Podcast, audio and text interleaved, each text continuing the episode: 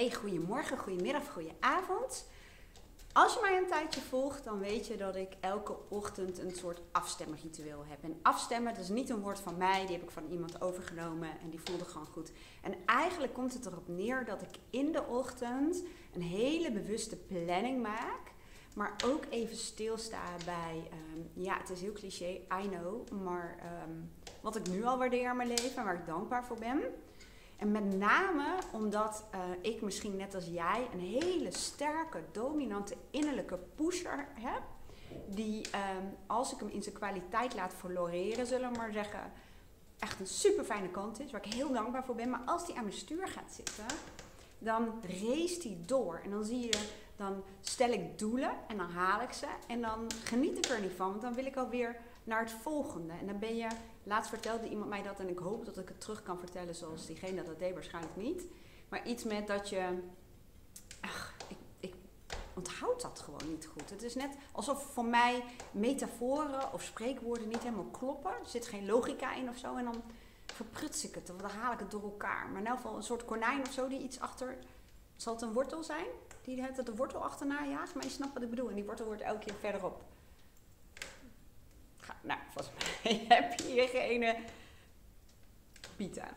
Maar goed, je snapt waarschijnlijk wat ik bedoel, want het is het blijven najagen en moeite hebben om gewoon ehm, ja, even te incasseren en dankbaar te zijn. En, uh, en, dat hoeft niet per se altijd dankbaar voor het uh, goede of de dingen die je hebt gehaald. Dat is ook weer een ding. Nou, deze video gaat over um, nou ja, ik wil zeggen het idee, maar het is wel realiteit en waarschijnlijk herken je het wel, dat als je bijvoorbeeld je dag gaat plannen, of een moment gaat plannen, ehm, wanneer je dat ook doet, of dat nou in de ochtend is of whatever, wanneer, maakt niet helemaal niet uit.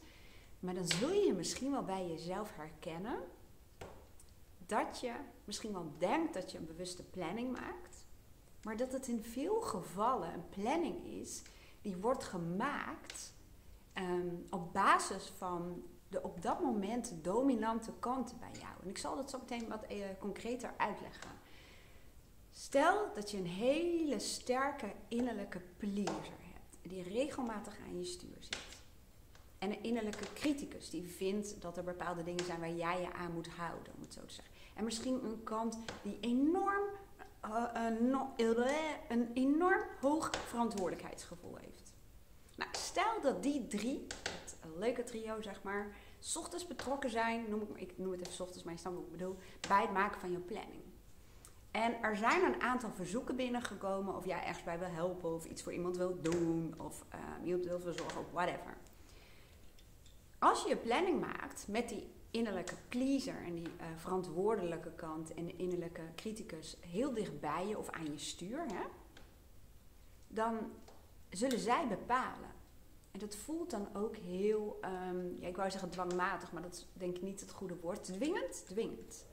Dus die pleaser, die is zo sterk aanwezig, met name als die je stuur in handen heeft, dat, um, ja, dat hij eigenlijk het oog kwijtraakt, of hoe zeg je dat, um, uit het oog verliest wat andere belangrijke belangen voor jou zijn. En waarschijnlijk zelfs belangrijker belangen. En dat is ook waarom heel veel mensen zeggen, van um, bijvoorbeeld mijn gezin is het allerbelangrijkste, of mijn partner, of mijn kinderen, of mezelf. Hè, tijd voor mezelf, ik verlang daar zo erg naar bijvoorbeeld, ik noem maar wat.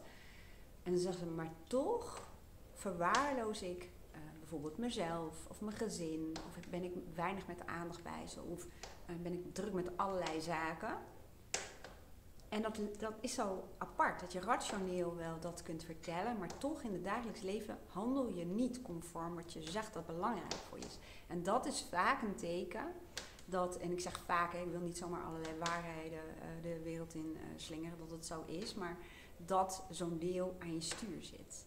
En die bepaalt gedurende je dag. Of dat nou is bij het maken van je planning, of dat dat nou is bij het ja of nee zeggen tegen een bepaald verzoek. En bewust leven gaat heel erg over in de eerste plaats ja, weten wat jouw belangrijkste waarden zijn. Dat je een visie hebt die gebaseerd is op jouw waarden. En een visie klinkt heel groot, hè, maar het is eigenlijk gewoon een uh, beeld. van ehm, hoe jij het wil. En dat beeld, dat kan gaan over waar jij over vijf jaar staat. Ik ben niet zo fan om dat zo te doen. Maar die kan ook heel erg gaan over je dag. Hoe jij wil dat je dag gaat verlopen. Of hoe jij wil dat als jij uh, straks op je dag terugkijkt, hoe je dan voelt. En uh, wat je dan hebt gedaan. Hoe je dag is verlopen. Wat je hebt ervaren. Dat is ook het hebben van een visie. Ja, dat is ook als je nergens voor staat, dan val je overal voor. En daar ga ik deze video ook mee afsluiten.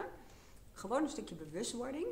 Dat als jij uh, een planning maakt hè, of keuzes maakt dan kun je jezelf ook eens afvragen: welke kant in mij is um, heel bepalend bij het maken van deze keuze of het maken van deze planning? En um, hoe bewuster je gaat leven, hoe meer je dus weet wat je waarden zijn. Dat, dat is dus als je ergens voor staat en gaat, hè, dan val je ook niet zomaar overal voor. Voor wat mensen van jou willen. Of dat jouw innerlijke criticus of pleaser of verantwoordelijke kant aan het stuur gaat zitten. Want als jij weet wat echt belangrijk voor je is in je leven, dan merk je dat jij dat innerlijke team, die kanten bij wijze van spreken in jouw bus, gaat opstellen conform jouw waarden, conform jouw uh, visie. En dat is echt superleuk.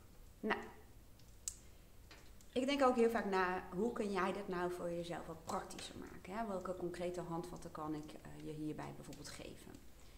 Um, wat ik kan doen, dat is misschien best wel leuk, want ik heb een uitgebreid online uh, programma om uh, te gaan werken, bewust te gaan werken met die persoonlijkheidskanten.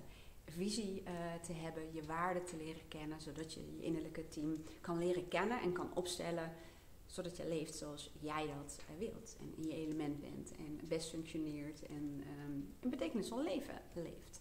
Alleen, dat is een programma. En um, er zijn genoeg mensen die zo'n programma ook echt doen.